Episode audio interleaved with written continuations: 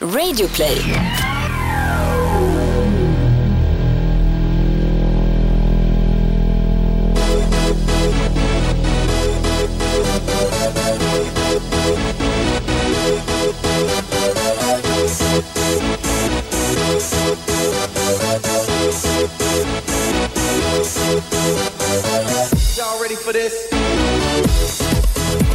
2017 rullar vidare och våra prominenta gäster står i led utanför Toto Balutto-studion. I eh, måndags var Erik Niva tillbaka här igen. Ja. Eh, och nu så sitter en annan favorit med oss. Eh, Berätta Thomas, vem, vem har vi här idag?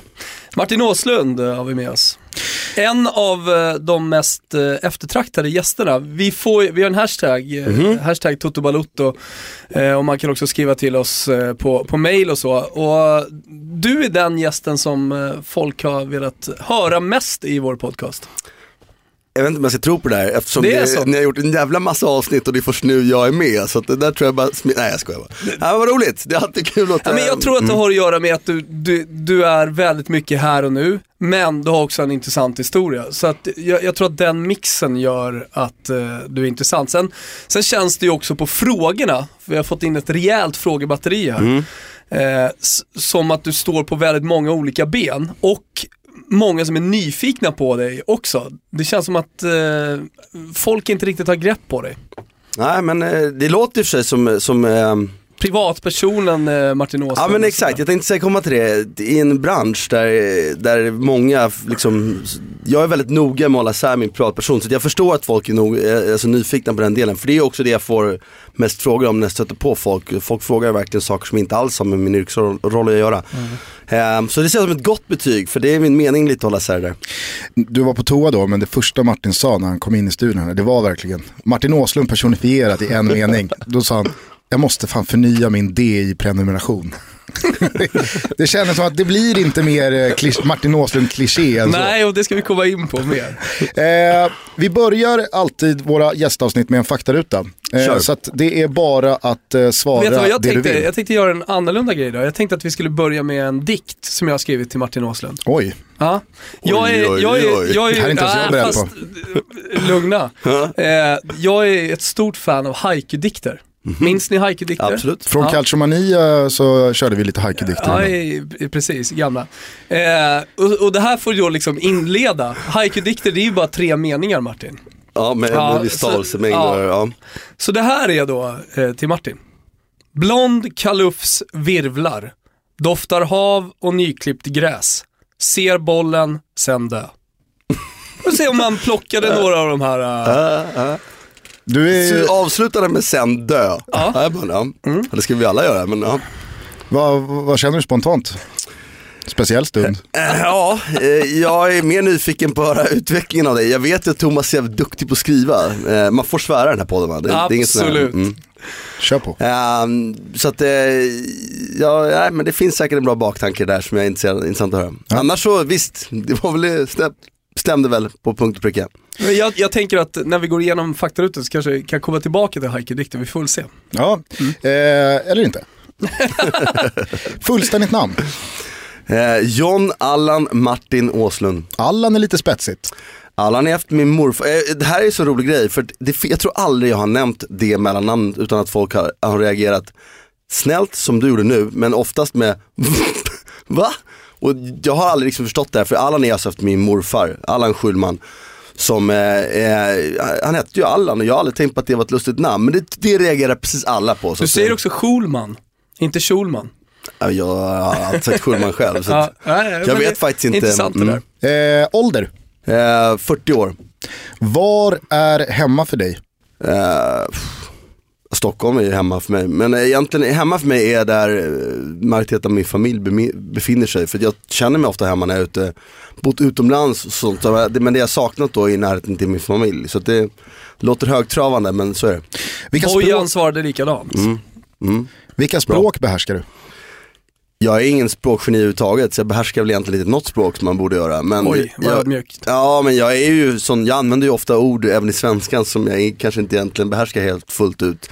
Vilket jag, absolut förstår att folk kan ha roligt åt. Men Eh, jag är okej på, på, eh, på engelska, eh, jag förstår italienska och framförallt skulle jag vara i Italien en månad så skulle jag plocka upp det.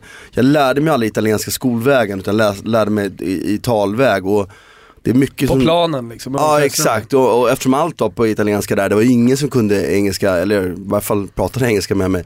Så att det är mycket av de här fraserna som sitter i ryggraden som jag inte vet om att jag kan. Så att om jag är där nere ett tag så dyker det alltid upp saker. Så att skulle jag vara där en månad så kan jag nog italienska ganska bra också. Sen kan man ju alltid skryta med att man, jag förstår och kan danska. Jag kan inte prata danskt uttal utan jag pratar som Hasse Backe gjorde. Med stockholmska. Kan vi inte lyssna kort på när Hasse Backe körde intervju? Alltså? Ja det ska ni göra någon är, Ja, men vi, eh, våran eh, superproddare Kimpa lägger in en liten snutt här. Hvordan vurderer du mesterskabskampen? Chanseløst. Jeg tror ikke vi har en mulighet å vinne guld. Det tror jeg ikke. Vil man vinne et mesterskap så skal man nog prestera bättre fotboll över 90 minuter. Och nu när vi har lyssnat på Hasse Backe så måste vi bara lyssna på när Erik Hamrén inför playoffet mot Danmark tog sig en promenad med en dansk tv-intervju och eh, snackade sin danska också. Det var smärtsamt. okej. Du spänner det, du, du vill för mycket. Du anstränger dig för Ja, meget. om, du, om du spelar golf till exempel och du vill putta, jag menar och så är det fotboll också. Du, det handlar om att hitta en, en, en, en god anspänning. Det lät ju sådär. Du drog ju också en rövare innan inspelningen att du aldrig har lyssnat på Toto Balotto. Det tror jag ju vad jag vill om. Men om det nu stämmer så kan du ju då få gissa på den här frågan. Vet du vilken före detta svensk landslagsman som är språkgeniet, som behärskar nio språk?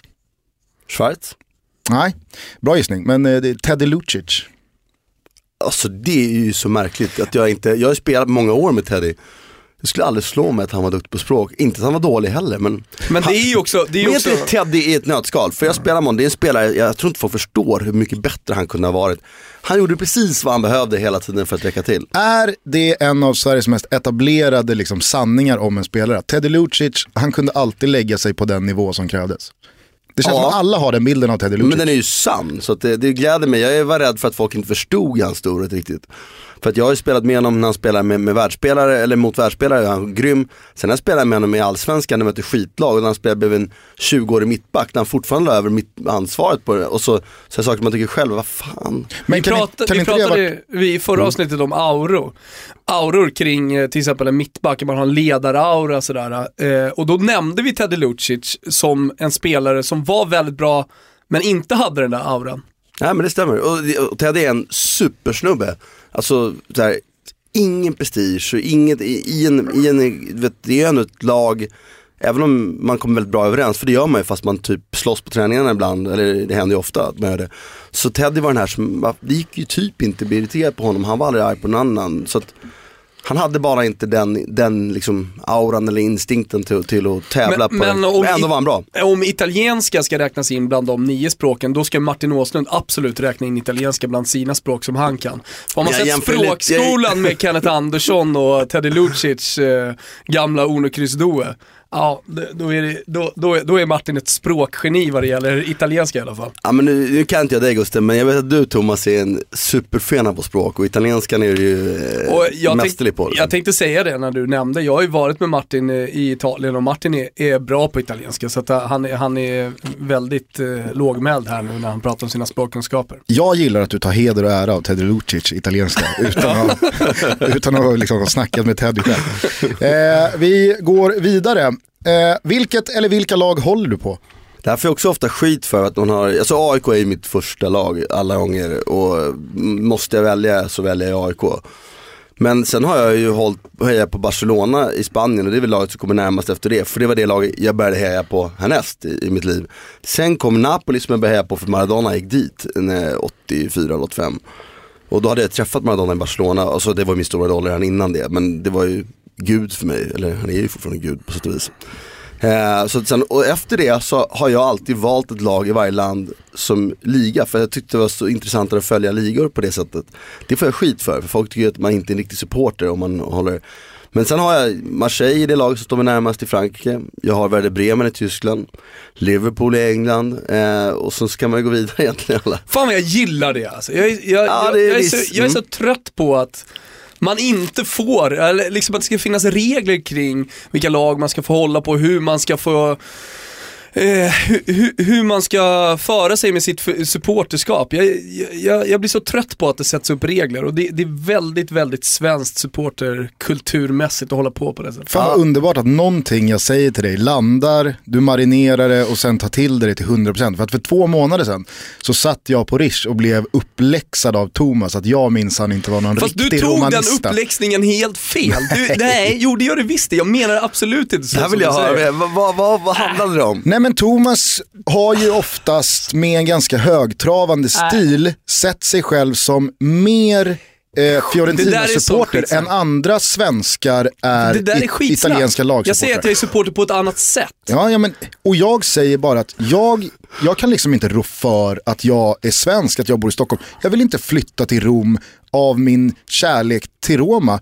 Men jag håller på Roma. Fast det det- kan liksom ingen ta ifrån mig. Och jag håller inte på att jämföra Jag mig älskar med det här. Det gör inte jag heller Gustav. Fast det var ju det du gjorde Nej, fram det gjorde för jag två månader Det sedan. Men nu har det du uppenbarligen lyssnat vi, på mig. Vi surrade ju i två timmar. Ja. Jag, jag pratade om olika typer av supporterskap.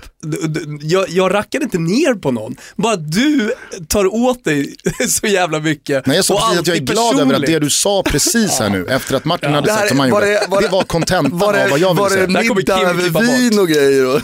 Nej, jag tror att det var i inledningen av en uh, Arja Piccola. Ja, det kan mycket väl ha varit. Eh, Alltså, Eller om jag vi bara älskar det här, firade... men det är det här jag menar, någonstans så diskuterar man. Sen kan jag ju känna att någonstans fanns det en språkförbistring emellan här. Vilket ju ofta sådana grejer handlar om. Ofta när man bara tänker efter vad han sa, så fan vi tycker ju egentligen lika, det är bara att vi uttryckte det olika. Ah, nej, nej. Alltså, Vi går vidare då. jag, jag har, det finns, och Thomas tillhörde den skara människor fram tills för två månader sedan, ett väldigt elitistiskt tänk. Jag är mer supporter än vad du Nej. är tänket. Ja, men, jag säger inte att du sa det, men det finns det etablerade tänket. Att man graderar supportrar. Jag tycker också att en supporter som åker på alla bortamatcher och som har haft säsongskort eh, i 20 års tid och som står där i vått och torrt, eh, högsta liga och firar ligatitlar eller vid degradering. Det är väl klart att jag har mer respekt för en sån person som kallar sig för supporter till det laget och jag värderar deras roll högre än någon som sätter på sig en mössa när det har gått bra och sen tar av sig mössan när det börjar gå emot och som aldrig har gått på en hemmamatch, aldrig har åkt på en bortamatch. Det är väl klart att jag liksom förstår den grejen, men jag kan ju inte säga om den personen att nej, du är inte djurgårdare eller aik Nej. eller du håller inte på heller. Milan. Det jag menar, det, det är bara att jag har gjort väldigt många uppoffringar i mitt supporterskap. Och jag, jag anser att ju mer uppoffringar du gör, desto mer passion har du. Alltså, ju mer du är beredd att göra för ditt lag, ju, ju större uppoffringar du är beredd att göra. Till exempel, du har 10 000 kvar på ditt konto.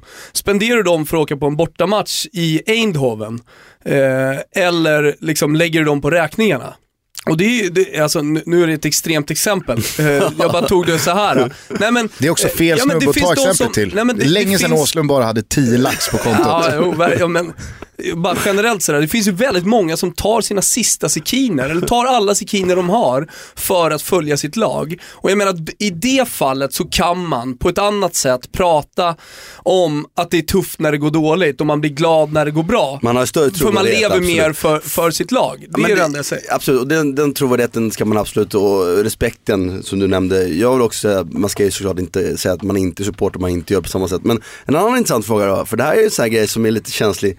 Om jag reser till, eh, till eh, ett, ett av mina favoritlag, eh, bor på lyxhotell, köper en VIP-biljett och går på den matchen så har jag ju spenderat mer pengar än den som går på klacken och kanske går på fem matcher. Jag har ju faktiskt sett klubben mer på en enda match. Är jag då mer hängiven eller har det bara med Du har socioekonomiska? mer pengar, helt enkelt. Dels Har är det bara med det, socioekonomiska? jo men herregud, det handlar väl inte, bara- om, det handlar väl inte om eh, i slutändan vem som ger mest pengar. Det handlar väl om vem det- som ger mest kärlek. Och eh, pengar i relation till man har, nej jag skojar lite bara men det var alltså en intressant grej. Nej, Ja, eh, det, det. det, det, är, eh, det är tunn is. Tunn is Åslund. Ja, det var ju ett skämt menat. Men får jag bara fråga så här, förstår du den här frågan? Eh, kan, du, kan du ibland eh, förstå varför, eh, jag menar du som säger att du håller på Barcelona, kan du förstå charmen i att supporta ett lag som aldrig vinner? Ja absolut. Kan du tycka att det är lite deppigt att Barca har blivit så bra som de är? ur ett rent supportermässigt perspektiv. Nej, för jag ser ju heller inget, jag ser ju ingen martyrskap i supporterskap nödvändigtvis. Men jag förstår ju att man håller vid sitt lag. Jag menar jag håller på, på Barcelona som aldrig vann på 90, alltså Nej men Europa. exakt, och det är därför jag säger det. Mm. Att Men- du har ju varit med om ett Barca, du har ju supportat ett Barca som inte prenumererade på Champions League-finaler. Men idag så är det ett misslyckande varje säsong Barca inte går till Champions League-final. Ja, men jag, jag, jag förstår de som kan ha en annan syn på det. Men eh, personligen, så, alltså martyr, det är inte finare att vara supporter för att man är av martyr, martyrskapsskäl. Liksom. Så att man håller på ett lag, är det laget bra så, så är det bra, det är väl kul det. För någonstans vill man ändå se, och så, jag vill också säga det att jag är ju en med alla, även med AIK så är min kärlek till sporten fotboll större än vad mitt supporterskap till AIK är. Så att jag ser ju, alltså jag ser ju hellre fotboll än att, om inte AIK skulle spela allsvenskan skulle jag fortfarande se allsvenskan för jag vill ju se fotboll. Jag kan såklart se superettan också mer då med AIK spelar Men förstår du vad jag menar? Min kärlek till sporten är större än vad kärlek till klubbarna är. Och med det sagt så säger jag också att, alltså jag vill ju se fotboll som jag tycker är underhållande härnäst också. Därför att ypperligt lag, till exempel när Napoli spelar en fotboll som jag som gillar. Jag kunde inte riktigt glädja mig åt samma framgångar under Mazzarri för jag tyckte han stod för en feg fotboll. När Napoli spelar hemma mot Juventus och chans att vinna ligan och man går ut och spelar i 80 minuter för att få 0-0. Jag, bara, jag vill inte se det, jag vill se ett lag som, jag vill se, jag vill, och det är också min kritik till, alltså jag förstår de som har kritik till Wenger och Arsenal. Man vill inte se en jämn bra nivå, man vill ju tro på någonting. Liksom. Så att där någonstans också, det optimistiska väger också tungt in för mig på något sätt. Ser du hellre AIK spela en välspelad 2-2 match och det är kanonfotboll än att de vinner en riktig pissfight med 1-0? Nej, för att vinna, då har de inte vunnit och spelat 2-2. Men jag ser hellre AIK vinna med 2-0 och spela en jättefin fotbollsmatch än att vinna med 4-0 och spela skitdåligt. Absolut, och jag här, jag ser hellre, någonstans tycker jag AIK, jag ser hellre att AIK är AIK eh, med, med, med en viss aura omkring sig och kommer trea än att man tummar på saker och vinner. För att jag tycker ändå identiteten är viktigare och det kommer ju med, med spel och sådär. Jag var inte helt förtjust i vi spelade fotboll med de spelare vi hade under, under Alms tid. Det är inte att Alm är en dålig tränare, jag bara tycker inte lika om honom hur man använder spelarna. Och det störde mig mer. Jag hade hellre sett att vi hade spelat en officer fotboll kommit femma än kommit trea. När vi ändå inte vann och spelade en fotboll jag inte gillade. Jag, jag tror bara det här med supporterskapet, när vi pratar om? För, nej, men jag ville bara, jag, jag kom aldrig in i samtalet, vi är ju tre här. Nu jag får den riktiga supporten prata. Nej, ja exakt, så nu får ni hålla käften helt nej, nej, men jag tror så här att lidelsen kan vara densamma, bara att man lider av olika saker. Alltså att Barcelona kan, kan lida av eh, liksom en förlust, Real Madrid kan, en Real Madrid-supporter eh, i Madrid på Santiago Bernabéu kan lida för att laget spelar eh, trist fotboll, vinner med 3-1 hemma mot Zaragoza men går i 65 minuter, kan man tycka vad man vill om. Men jag tror att eh, någonstans så är kanske lidelsen detsamma, sen lider man av olika anledningar. Eh, om man är Marseille-supporter så kanske man lider för att man inte har vunnit en titel på hur länge som helst. Så. Jag håller med. Bra Thomas, bra sagt. Jaha. Tack, du allsmäktige. Ja. Finns det något lag du verkligen inte håller på som du kanske rent av föraktar? Ja det finns ju åtminstone tre lag i Sverige som jag inte föraktar för jag, jag går inte så långt men som jag verkligen, verkligen inte håller på. Det är turordningen IFK Göteborg, Djurgården och Hammarby. Och Göteborg är ganska enkelt för de vann allt när vi var små. Eller när jag var liten, inte när du var liten kanske, men när vi var små. Ehm, och uh, de gjorde det som på ett sätt, som en fotboll som jag tyckte var sjukt tråkig att se på. I en ålder när, när man är den sådär den åldern jag var då, då vill man se underhållande fotboll mer. Alltså, jag, inte- alltså, cynismen blir ju starkare ju äldre man blir. Man blir mer realist liksom. Eh, men i den tiden vill jag ändå tro på någonting och att de vann då med den mest cyniska, tråkiga fotboll som svenska lagen som spelat. Även om de var väldigt bra, de var bäst. Men jag menar, borde inte då Bayern ha ändå klarat sig undan väl hos, eh, hos dig? Ja, Bayern har ju absolut alltså, egenskaper som skulle göra att jag tycker de Spelade är... ju sällan i samma division. Nej men det är det jag menar, att de, spe, de har ju Men där alltid spelat ju- den öppna spjällfotboll. Absolut, men jag menar jag, Kul att kolla jag är ju på. född med AIK så att det spelar ingen roll vad Bayern gör eller Ah, Djurgården men så gör. där Då- är, det mer, eh, där är det mer historisk rivalitet. Absolut. Ja. Eh, annars är det ju alltid härligt att säga Bayern bara. Favoritspelare genom alla tider? Maradona. En spelare du aldrig riktigt gillat? Eller gillade? Nej jag vet inte. Har du inte någon? Vem representerade men det här i någon- ge mig- Göteborg? Ja men typ såhär, någon, någon nämnde Cristiano Ronaldo som har suttit uh, Han har aldrig riktigt kunnat ta till sig Ronaldo liksom. Ja, Eh, Niva, Niva sa Sol Campbell för att han svek honom så jävla hårt. jag gillade ju aldrig riktigt eh, Jürgen Klinsmann. Jag vet inte varför, jag kan inte förklara det riktigt. eh, Men, men jag, jag det- gillade honom riktigt. Eh, Dennis Bergkamp som var en så här, fantastisk fotbollsspelare, det var inte min gubbe. Helt enkelt. Nej jag vet inte, nej det, det finns ju många som inte varit ens gubbe men inte speciellt starkt. Jag, nej jag kan inte säga att det är någon jag verkligen ogillar. Chiellini håller jag inte av Fast mycket. Alltså. Chiellini kan man ju Han är ju verkligen... mäktig på Ja, riktigt och ju. Han har Lichtsteiner. studerat ekonomi, en vinnartyp, allt vinna sjukt trevlig vid plan, det är så man ska vara ju. Lichtsteiner är också... Ja det är inte det mest sympatiska Högst upp. Inte på, inte på men jag, jag kan tänka mig att han har en riktig svärmorsdröm vid sidan av planen. Chiellini ja. Nej, jag tänkte på Lichtsteiner. Lichtsteiner.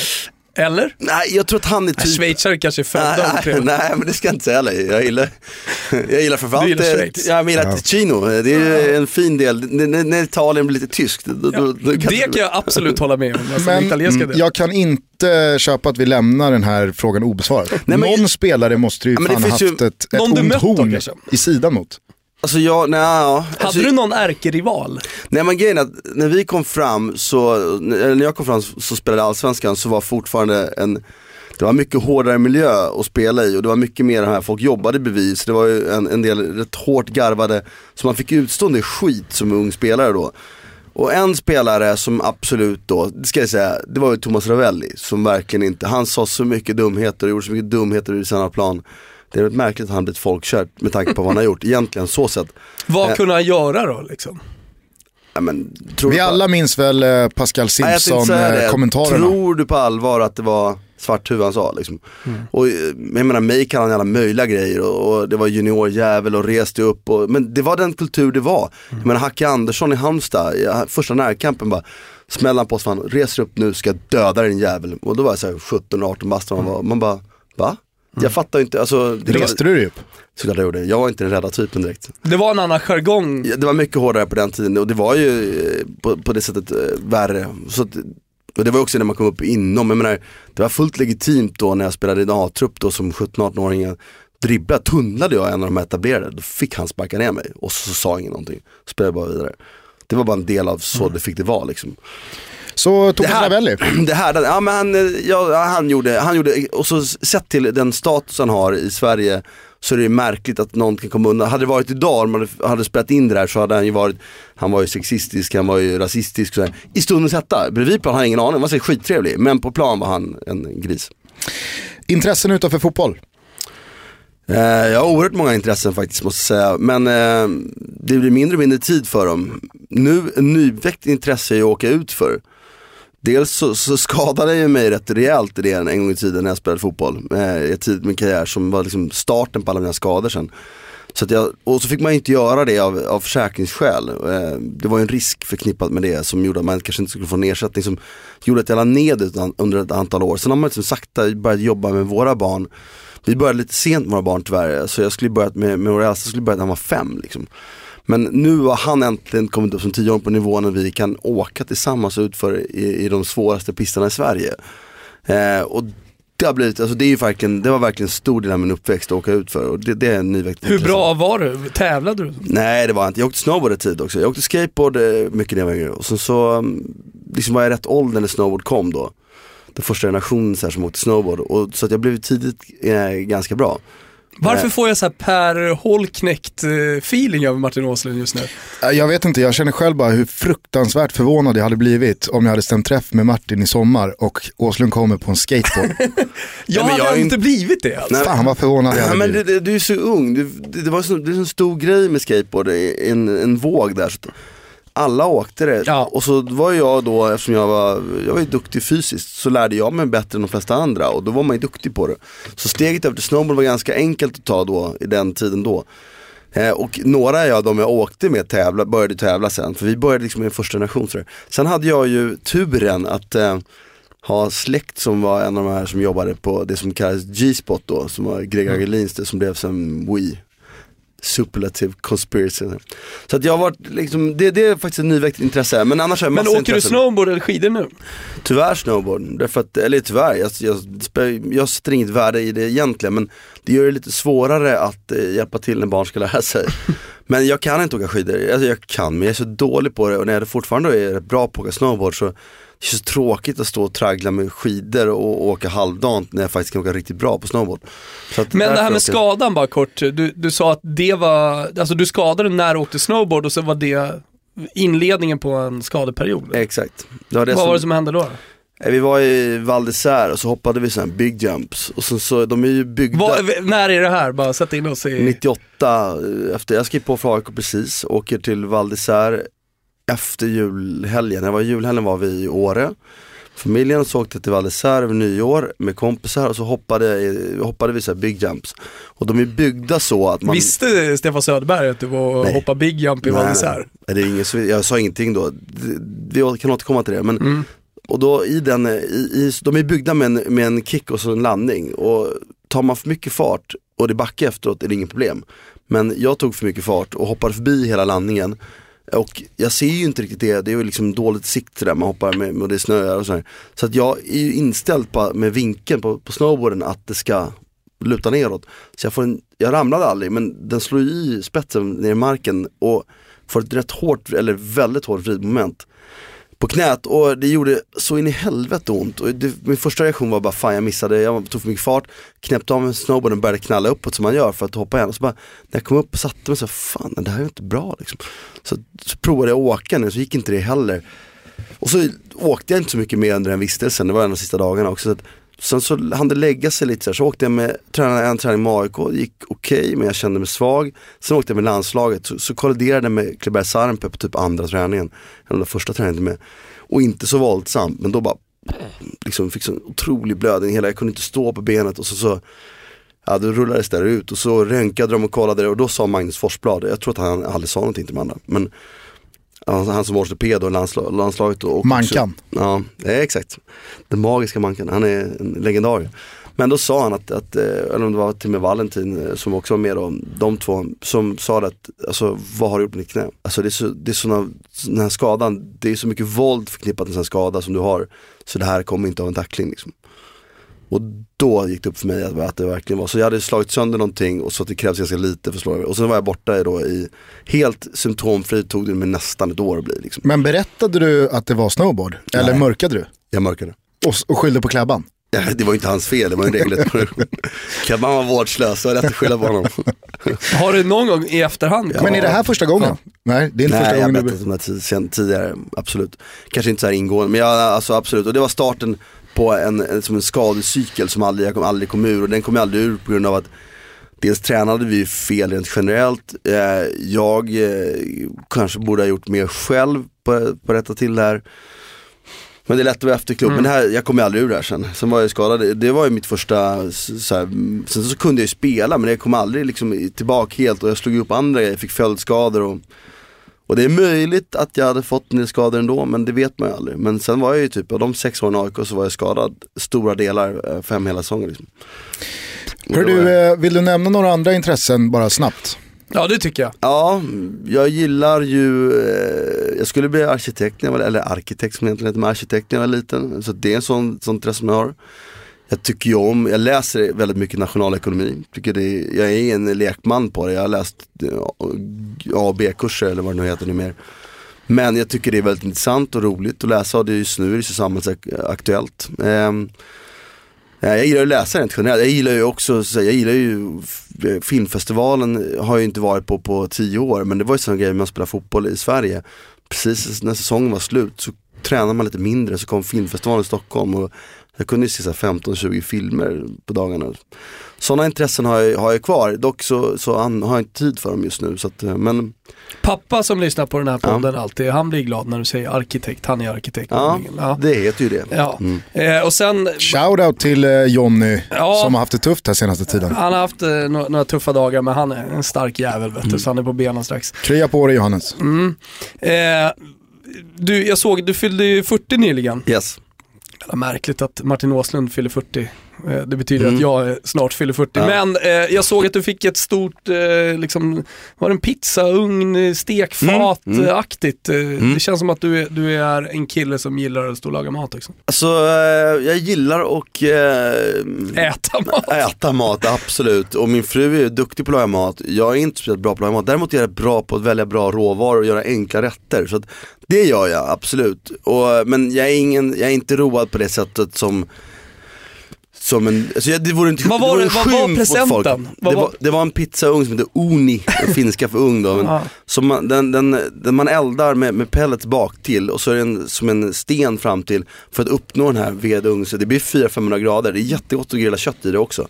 Den Det känns ju annars- finska pizzan. Ja, exakt. Men det känns ju alla som, som en sån present som när du fick Det är din Chamon Iberico-skinka av farsan förra året Gusten.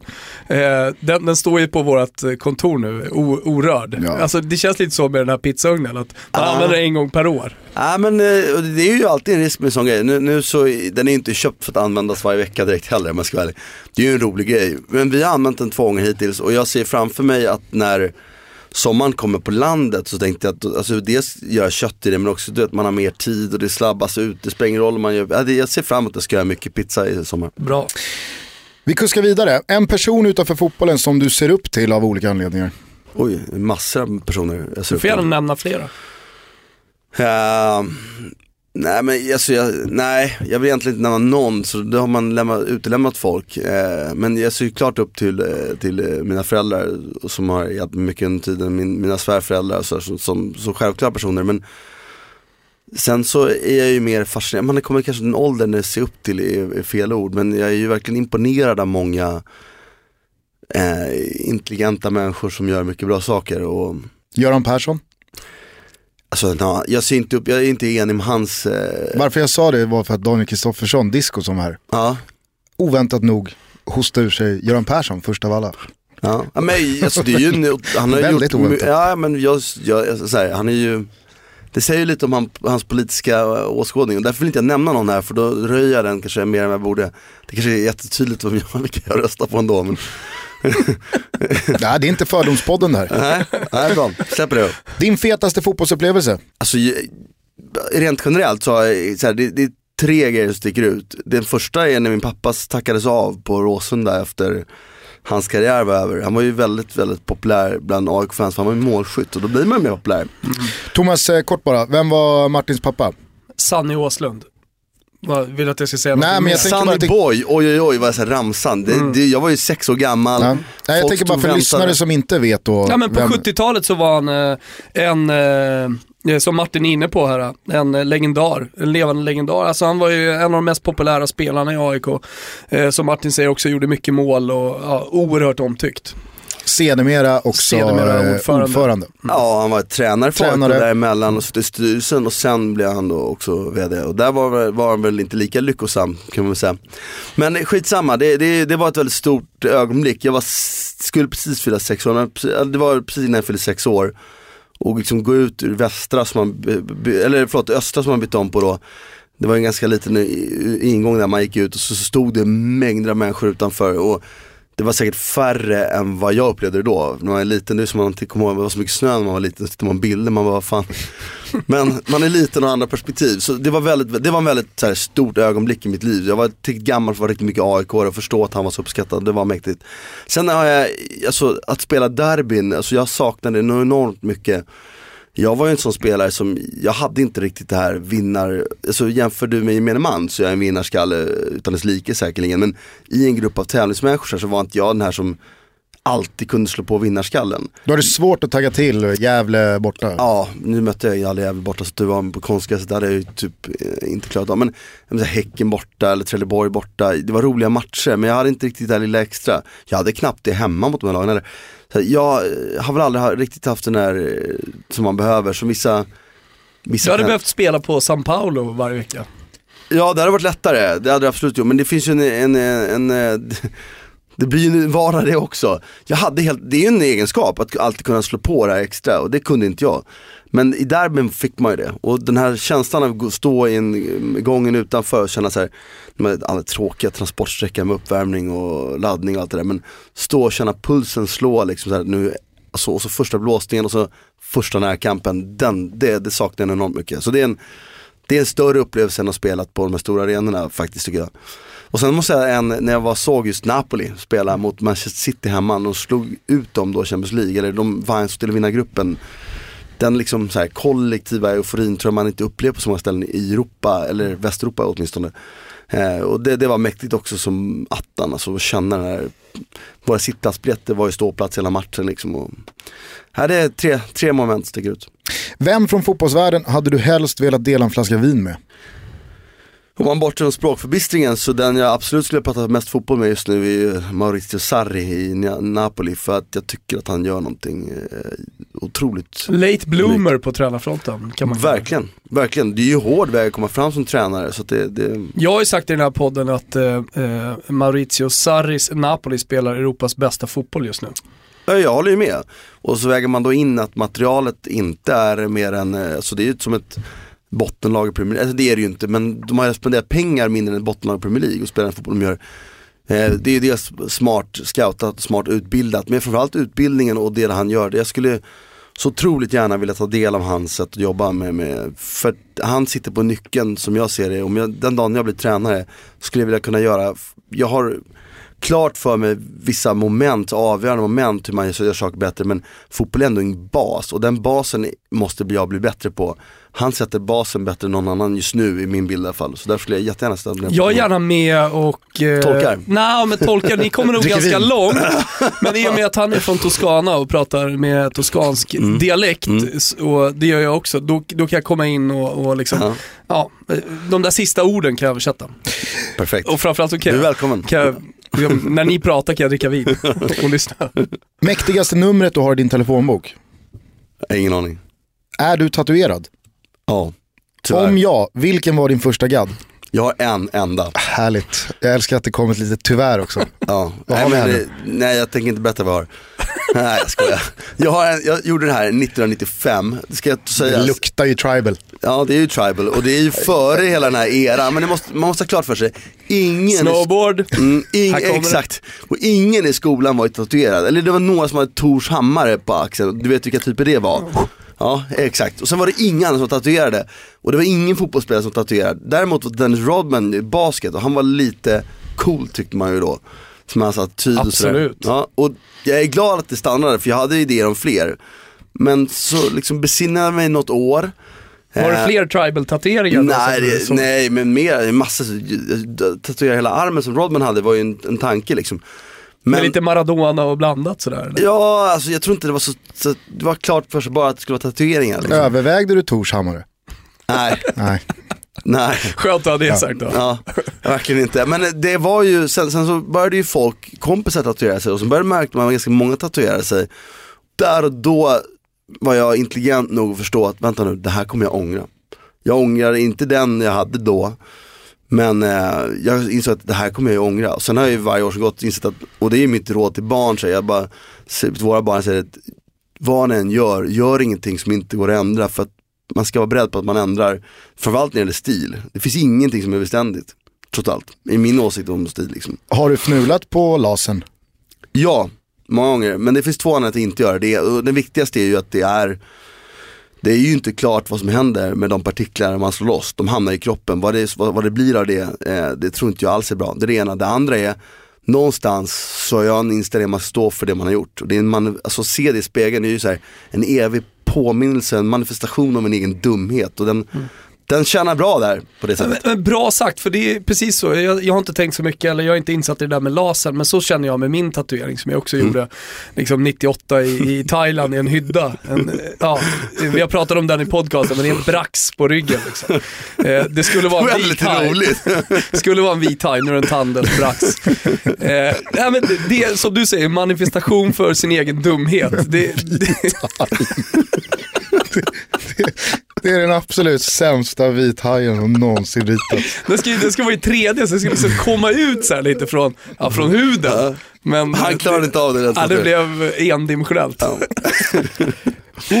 Eh, snyggaste fotbollströjan genom tiderna. Gärna lite kortare svar här nu Martin. Det är bara tre frågor kvar. Nej, vi, delar, vi är redan bestämt att vi delar upp det här i två. Eh, jag skulle säga att den snyggaste är kanske Flamingos i början av 80-talet. Den där reklamfria mm, rödsvarta randiga. Den tyckte jag var ruggigt snygg när jag var yngre. Sicko va?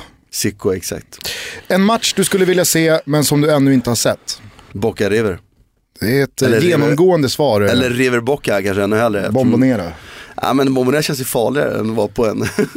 Nej men det, det mötet, det, det dubbelmötet, alltså en Copa Libertadores 2015 retur, får man en sån då, då ska mycket till. Vi, vi, ska, vi ska bo, jag har sagt till min fru, en, minst en månad i Palermo i Buenos Aires eh, inom en snar framtid och, och gå på fotboll och äta gott kött och dricka bra vin och må bra. Sista frågan. Om inte du får svara Messi eller Ronaldo, vem är världens just nu bästa fotbollsspelare? Luis Suarez, nej en av dem i alla fall. Det, Costa kanske, Diego Costa kanske, jag vet inte. Svårt. Bestäm dig för en.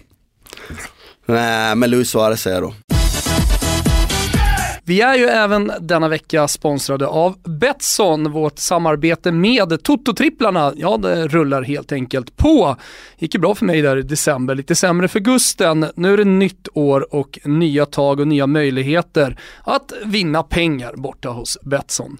Toto-trippen, ja det går ut på att eh, man går in eh, på deras klient, har man inte konto, ja då signar man ju helt enkelt upp och just nu så får man 100% insättningsbonus. Så sätter man in 400 spänn, då får man helt enkelt 800 kronor på sitt spelkonto. Så det finns ju all anledning i världen att göra det. Eh, och som jag nämnde så gick det ganska bra för mig, så än så länge så ligger vi bra plus på de här tripplarna. Eh, Gusten är ju i eh, Thailand, så han kan inte vara med. Har däremot fått sms från honom eh, med hans trippel. Eh, vi ska börja med min. Först eh, ska jag bara säga det att eh, alla som eh, är med och lägger sin eh, Toto-trippel, ryggar den på Betsson, som man hittar under eh, det som heter godbitar, specialodds eh, i deras klient. Alla som är med och ryggar och tar en screenshot visar att man har ryggat eh, och eh, hashtaggar då på Twitter eller Instagram Toto-trippen. Ja, de är med och tävlar om en middag tillsammans med mig och Gusten. Det kommer bli skaldjur och champagne och allt möjligt. Dessutom får man ta med sig en vän. Vi kommer lotta ut i slutet på månaden då, den personen som har vunnit då den här fina middagen. Eh, vi ska köra våra tripplar. Jag börjar med min då. Jag tror väldigt mycket på Sampdoria i helgen. De möter Empoli, ett sällsynt dassigt ja- lag eh, nere i botten. Vann över Palermo senast, visserligen eh, kanske lite positivt för dem då. Men jag har sett dem mycket den här säsongen och tycker att de är dåliga. Sampdoria har inte riktigt fått eh, den utdelning som jag tycker att man borde ha fått. Spelar bra, inte minst då på hemmaplan. Tror bara att man vinner den här. Celta Vigo har jag också sett mycket såklart. Eh, inte för att det har gått jättebra för John Guidetti, men det gör det ju för andra. Och eh, det, är ett, det är ett trevligt lag, de spelar frejdig fotboll och är eh, just nu också i, i bra form. Jag tror att de vinner. Sen är det ju så att PSG har, franska ligan har startat igång och PSG ser betydligt bättre ut. Jag pratade med en kollega nere i Frankrike som är och ser varje match med PSG och han, han sa att det är ett helt annat flow i laget. Det verkar som att här- den här vilan har eh, gjort dem eh, gott. Och nu möter de Rennes borta. Jag tror att eh, PSG vinner den matchen. Jag spelar dem rakt, lägger in i den här trippen eh, som landar någonstans runt 4.30 i odds. Gusten då? Ja, han får motivera sina spel på Twitter. Han har i alla fall skickat till mig Arsenal rak, alltså Arsenal vinst. Napoli, ja de ska vinna med två mål och sen så tror han att det blir målrikt. Det kan jag nog också skriva under på faktiskt. Eh, eh, I alla fall, i matchen mellan Lazio och Atalanta, han lägger in då som sista spel i sin trippel över 2,5 mål i Lazio-Atalanta. Eh, så vi sammanfattar det här. Sampdoria rak, Celta Vigo rak och PSG rak eh, för mig. Och så Gusten då. Arsenal, Napoli tvåmålsseger över 2,5 i i Lazio-Atalanta. Eh, så nu gör ni så. Ni går in på Betsson, skaffar ett konto eller ryggar. Finns under eh, specialspel, godbitar. Så hörs vi igen efter helgen. Förhoppningsvis har vi vunnit lite pengar. Ciao! Nu börjar själva podden. Nu börjar själva podden, precis. Eh, det var ju eh, trots allt ändå bara hälften av eh, Nivas eh, klockslag på faktarutan. Den tog en och tio. Det blev ett avsnitt. Ni, Niva är duktig på att uttrycka sig, sen pratar han ju lite långsammare, vilket är bra på en syn, alltså man hör ju alltid och förstår alltid vad man säger, men ibland så tar det ju väldigt lång tid för att säga ganska lite. På tal om Niva så är ju ni numera kollegor. Du Mm. jobbar sedan oktober, September? september på Eller? Viasat. Mm. Eh, berätta om det, hur är det? Du är tillbaka i rutan och eh, Mm. framförallt tillbaka i toppfotbollen som sänds på tv. Ja, Vi har ju sett dig eh, köra Värnamo och... vilket inte ska underskattas. Absolut inte, men det är långt ifrån den stora Champions League-scenen. Absolut, och Champions League har jag fortfarande inte jobbat med. Så. Premier League, Serie A, Mm. La Liga. Nej men eh, jag vill bara slå ett slag för, för den blandning jag hade ett tag på, på TV4 som jag upplevde som optimal. Att få göra Superettan, eh, lite Allsvenskan, också toppfotbollen i Serie A då var det. Jag hade gärna gjort mer La Liga men att det var liksom det här, det är faktiskt otroligt härligt att vara just i Värnamo och göra en match. Och Visserligen bodde jag i Växjö på, på fantastiska PM och vänner men ändå var där nere. Såklart. Mm, precis, bra mat och bra, nej men, nej, men just den här kombinationen att, att få, få kontrasterna, det, det, det, det är faktiskt, tycker jag, alltså, som sagt min kärlek till sporten är inte bara toppfotboll utan det är mycket större än så. Men med det sagt, måste jag välja så gör jag ju hellre toppfotbollen, så är det ju. Och det känns väldigt bra. Det som är extra roligt med just Viasat, nu har jag varit där så kort tid så att det är inte rättvist att, att liksom utvärdera det kontra andra arbetsplatser jag varit på tidigare i den här branschen. Där det är viktigt både då kanal 5 och TV4. Jag är ju trött av alla. Vart du värvad och löst från ett kontrakt med TV4? Nej, jag hade ett utgående. Så det var inga konstigheter alls. Alltså jag har varit tillfrågad tidigare att göra enstaka matcher och hoppa in och göra de här sortens sändningar när jag inte fått det. Så eh, det var läm- lämpligt att utgå även nu. Men ehm, det som är, är roligt med vi har satt så här långt är att mitt intryck är att, att kompetensen på, på dem och intresset på dem bak, intresset framförallt ska jag säga, för kompetens är subjektivt, lite, lite, eller alltid subjektivt, men i större grad subjektivt än vad, in- vad intresset är. För att det är ett starkt fotbollsintresse i, på hela vägen till redaktionsnivå, till redigerarnivå och det är roligare att arbeta då, för jag drivs ju som sagt en del av passionen och den märker man den bland de man jobbar med på ett äkta sätt så, så, så Alltså det Det vara... tycker jag når ut i tv-rutan också, att även, alltså allt från bildproducent eh, till eh, redaktör till de som sitter i Ja, bra. studion, att det, det finns liksom en röd tråd där. En passion till fotbollen och ett intresse liksom. Ja vad bra, det, det var jag långt från säker på att det skulle märkas.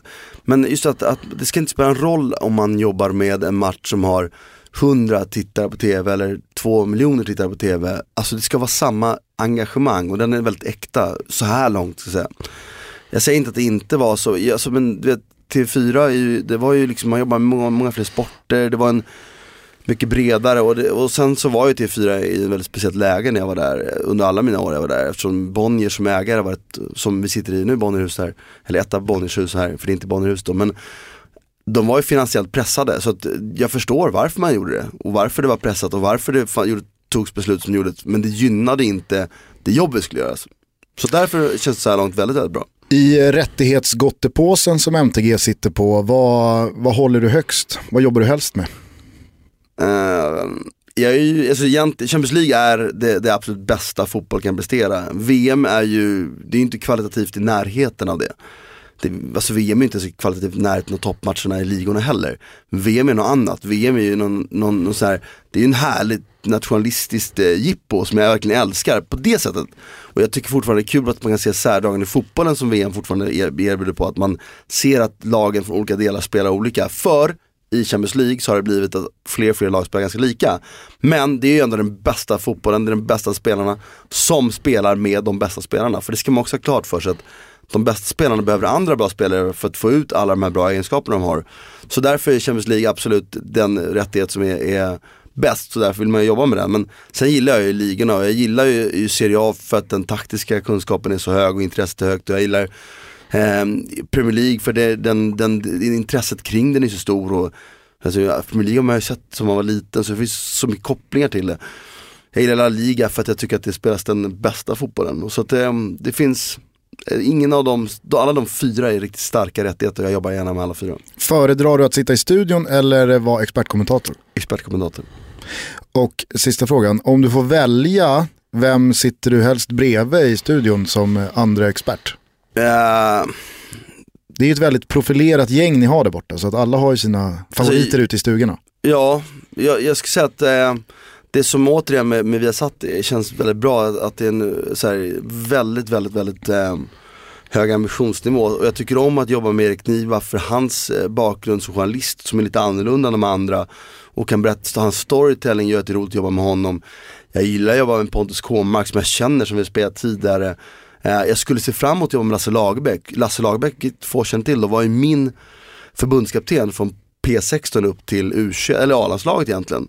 Så jag hade ju Lasse som tränare väldigt, väldigt många år. Eh, han var till och med omdömeslös nog att göra mig till lagkapten under många år när jag växte upp. Eh, men så jag ser fram emot att jobba med Lasse i framtiden också eftersom jag kan hans fotbollsfilosofi väldigt väl. Jag tycker Lasse rätt mycket men jag tycker också olika med honom några grejer som har varit intressant att diskutera. För det, det är också det som är stora med Lasse. Han, han var i alla fall ingen, ingen eh, så här, dogmatisk som sa att han hade rätt. Han tyckte på ett visst sätt, det tyckte han stenhårt. Höll fast vid, men det var inte, alltså, jag gillar ju diskussionen och det är det, det, det jag ser fram emot att få göra med Lasse. Men i övrigt, jag menar Ola har spelat med och alla där är, Bosse känner jag väl, det är bra folk rakt igenom. Så att, och det tyckte jag, alltså, experterna på TV4 tyckte jag också var väldigt, väldigt bra. Så det har jag inget problem med. Det, det, det, de var inte alls, jag menar Anders är skitbra, Jens är skitbra. Så det var ju många bra där också. Så att, experterna rent generellt tycker jag håller väldigt hög nivå överallt. På tal om eh, språkkunskaper och att bli överraskad så var det ju jävla chock när Pontus Kåmark alltså, kom ut som flytande arabisktalande. Visste ja, du om det? Jag visste om det. Jag spelade med honom. Helt otroligt. Jag vet också hur han lärde sig det, alltså, eftersom han hade en, en sambo i alla fall, en fru var det väl inte. Som... Nej men Pontus är ju, är ju alltså, många, många sätt briljant. Det är en han har sina svagheter, som alla, alla vi andra. det härlig brasklappen då. jo, jo, men det har vi allihopa. Ja. Eh, men eh, alltså, när Pontus nördar in sig på någonting, då kan han ju det till, liksom, och språket med arabiska, bara en sån sak är ju mm. mäktigt. Jag Thomas, du, ja, mm. jag ville bara säga att du innan inspelningen här eh, hyllade Martin och hans samarbete framförallt då med Claes Andersson, kommentatorn. De men det känns ju som ihop. att, se, ja, men, så här, Serie A har varit på dekis som liga. Serie A har tappat intresse i Sverige och eh, då tappar också intresse hos, eh, eh hos eh, tv-bolagen. När Serie A-rättigheten liksom skulle köpas när ingen hade den, när kontraktet hade gått ut med TV4. Då var det ingen som ville ta i den. Du och jag satt på Discovery och jag vet, vi vet ju om att man var med och förhandlade. Det stod lite mellan Viasat och, och oss då, back in the days. Eh, men, men, när man pratar med i alla fall de vi känner som sitter och liksom förhandlar om de här rättigheterna så var det ju bara så här, det är, det är en jävla pissrättighet. Liksom. Man, man bryr sig inte om den, det är ingen som tittar. Det är 600 personer som ser ett eh, Derby de la Lanterna, liksom, Genoa Eh, man, man, insåg ju det, men samtidigt som jag hade en känsla av att men, man måste kunna göra någonting bra även med den rättigheten. Då får man väl tänka utanför boxen lite grann. Skitsamma, då har i alla fall eh, Serie A verkligen misshandlats då som rättighet som jag tycker. Tills faktiskt Martin kom in och det säger jag inte bara för att du sitter här, det har jag sagt många gånger till kompisar och runt också. Men, och, och, och när, när Klas och Martin började kommentera Serie A tillsammans, det var ju någon, det, det får du gärna berätta om, men, men det kändes ju som att ni gjorde en sändning ihop. Och sen så gillades det väldigt mycket. Jag såg ju också på Twitter var många som hyllade det. Som att vi har satt bara wow, här har vi några som verkligen gör någonting bra med den här rättigheten. Nu har det kommit tillbaka lite och nu sitter man och hoppas inför de matcherna man ska se att fan är det Klas och Martin som kommer här nu och, och ska kommentera. Och det säger jag inte Alltså det säger jag dels om mig, men jag vet att många andra tycker så också. För att där finns en, en, eh, en passion och det finns eh, ett intresse för att faktiskt förmedla vad det är som händer på planen, inte bara ta det lite med vänsterhanden och kommentera. Um, och det, det, har i alla fall jag saknat och jag kan säga jag kanske saknade lite på slutet också på TV4. Eh, för att, och det vet jag om att i det huset så, så pissade man lite på den rättigheten, i alla fall mot slutet. Eh, det, var, det var lite så att man jublade uppe på Tegeludsvägen när, när man blev av med, med Serie A. Vad skönt, nu är det borta. Nu behöver vi inte ta ställning till det där längre och dåliga tittarsiffror och liksom förklara för ledningen att det, varför, vi, varför vi betalar dyra pengar. Så, så eh, ja, det är jag väldigt glad för. Jag vet inte vad, jag kommer mm. inte ihåg jag kom in på det, vad jag skulle landa. Klas, men, men, Klas och Martin. Ja, Klas och Martin, ja, det, mm. så bara. Mm. Kul, ja men det är, Klas är kul, alltså bra att jobba med. Det, det är också, det, det, det är ju verkligen på Viasat eh, en väldigt hög nivå på alla man jobbar med. Och det är väldigt lätt att jobba med, jag menar jag har inte jobbat många matcher alls med Klas. Och, de flesta där är helt nya och det har känts extremt lätt med alla faktiskt från dag ett. Och det tyder på en väldigt hög lägstanivå. Och det, det är så man ska bedöma eh, prestationer. Det är klart man ska jubla åt en bra högsta nivå men det är lägsta nivån som sätter standarden över tid. Så är det. Hur långt är kontraktet? Eh, Jag vet inte om jag får säga. Okej, spännande. Nej, men, Måste nog kolla men det man, det man kan säga i alla fall om eh, liksom, när du kom in på Viasat, eller vilket- det vi eventuellt skulle kunna prata lite om, det var ju att säsongen hade ju redan börjat. Det var inte så att de, de satte sin trupp och, och där var Martin Åslund en spelare. Det kändes ju som du kom in lite grann på prov nästan så här. Ja, men vi tar in Martin för vi behöver någon. Och sen så blev det mer och mer och mer, det, från då Serie A, stormatch, till att ja, nu, nu sitter du även i Premier League liksom, studion och, och diskuterar. Eh, hur, hur har, ja men hur, hur, hur var det? Att komma in och, och, och liksom mitt i säsongen sådär. Ja, det var ju inte klart när säsongen började. Sen minns jag faktiskt inte när jag och Per nu så träffades och pratade om det här riktigt. Det hade inte gått långt. Så det var Vart du tidigt. förvånad? Både och. Alltså, dels så, det här är ett extrajobb för mig så jag har ju liksom jag står inte och faller med om jag jobbar med tv eller inte. Så jag var bestämd med att antingen ska jag göra det på ett bra sätt eller ska jag inte göra det alls. För det var lite så här, jag var lite trött på att göra med ena handen på något sätt. Så det var ju eh, förvånande så tillvida att, eller ingenting jag räknade med. Men jag är inte förvånad, vi har ju ändå, men jag har träffat och vi har pratat så vid med folk under tiden så att Ja, nej det, det ska jag inte säga att jag var förvånad heller. Och eh, sen är ju, är ju, var det ju uttalat, utan att gå in, för det är också sådär att man får jobb lite efter vad det finns för avtal i övrigt och så vidare. Och jag eh, behövde, de kände att de behövde ju stärka upp La Liga och Serie A. Och två ligor som jag har jobbat med tidigare. Så det var väl en tanke. Men jag vet, sen, jag vill inte säga mer av det av respekt för andra och vad som faktiskt kommer bli till slut. Så här, det är kul att vara där och jobba med det. Det, det är en, en eh, väldigt seriös eh, grupp av människor bakom som jag uppskattar. Det är väldigt duktiga framför. Jag menar, det jag har jobbat, det är bra folk på TV4 också, men det har varit en del superproffs som har stött på här på, och Ola Wenström och är verkligen en sån som, som jag alltid uppskattar, men jag vet att inte alla gör, men som jag bara där han är riktigt intresserad och är ett superproffs och de andra, det är, ni har nämnt Niva Lagerbäck, det är ju några av våra bästa experter. Så att det, det är inom sina genrer, så att, nej, men det, det är kul på alla sätt och vis. Jag sätter ingen större, så här, vad jag jobbar med, inte jobbar med, det här är ett intresse. Den dagen jag inte får betalt för att kolla på fotboll längre kommer jag fortsätta kolla på fotboll. Det kommer inte kunna göra det hemma i samma utsträckning som jag gör eftersom det ska motiveras mot familjetid och sånt. Om inte jag lyckas få barn var vara riktigt intresserad också. Men däremot kommer jag alltid fortsätta att resa och kolla fotboll. Jag är ju så här, resa, äta bra mat, ehm, ja, bra måltider, vad det nu innebär med allting. Utan att eh, göra reklam för saker man inte bör göra. Eh, och så kolla bra fotboll och vara i trevliga städer och gärna då kopplat till någon kultur. Det är ju det är mitt stora intresse bredvid liksom. När jag var på Champions League-finalen och jobbade för eh, Expressen så åker jag ju då taxi mot eh, arenan. Så ser jag några blonda, på tal om blonda kalufser, ser jag några blonda kalufser lite längre fram. Och Martin har ett lite karaktäristiskt sätt ändå. Man ser att det är en gammal fotbollsspelare med stora lår som, som knallar. Så jag såg ju liksom bakifrån att det där är familjen Åslund som är och knallar mot arenan.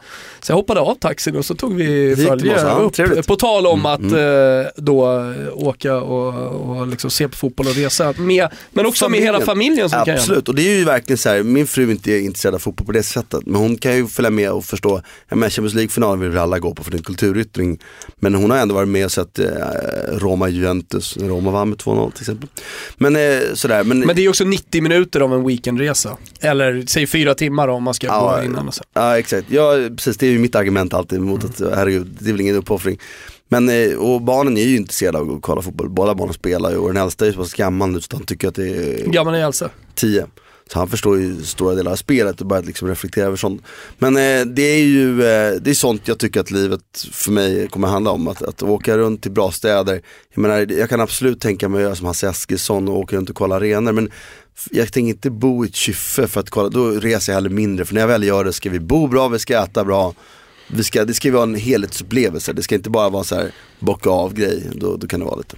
När du kollar på fotboll, eh, vad är det som kittlar mest i dig? Vad tycker du är intressantast med fotbollen? Du har ju redan pratat om den här kärleken till sporten fotboll, att den är den största. Men väl där finns det ju hur många lager som helst att, eh, att Verkligen. grotta sig in i. Vad, vad, vad brinner du för mest?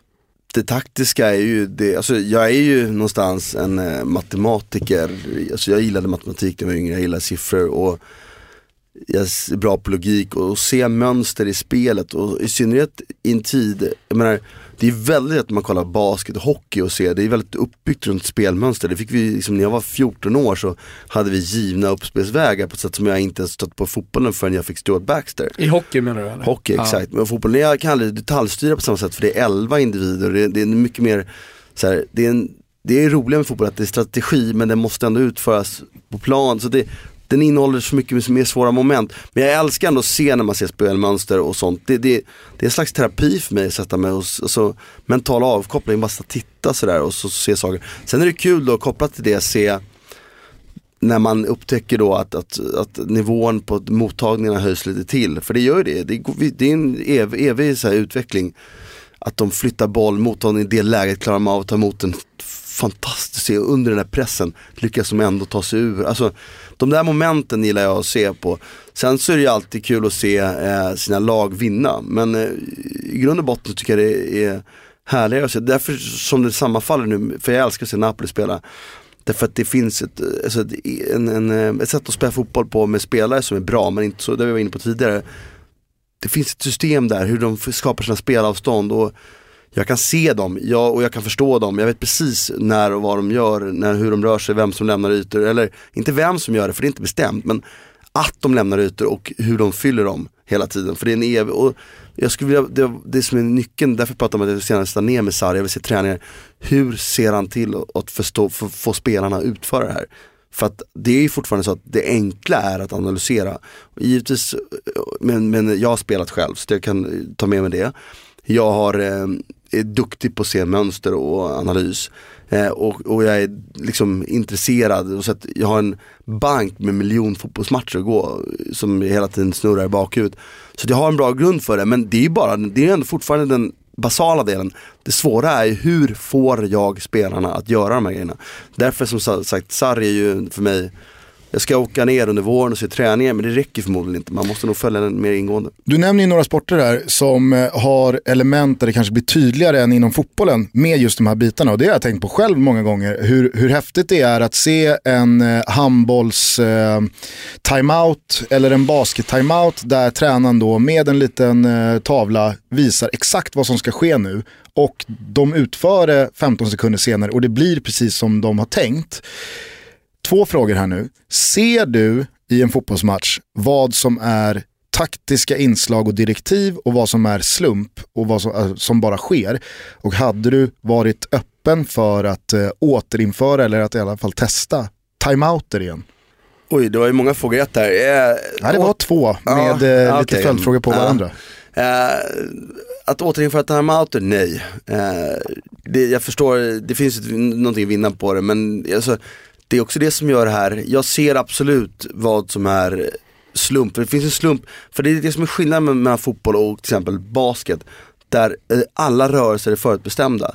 I fotboll handlar det om att ha några ytor som är förutbestämda att attackera i. För det är så långt man kan gå eftersom det är så många mer och du förhåller dig till en motståndare som hela tiden flyttar sig. Det, det, är, mycket, det är en dynamisk sport, mycket, mycket mer dynamisk än någon av de andra du nämner.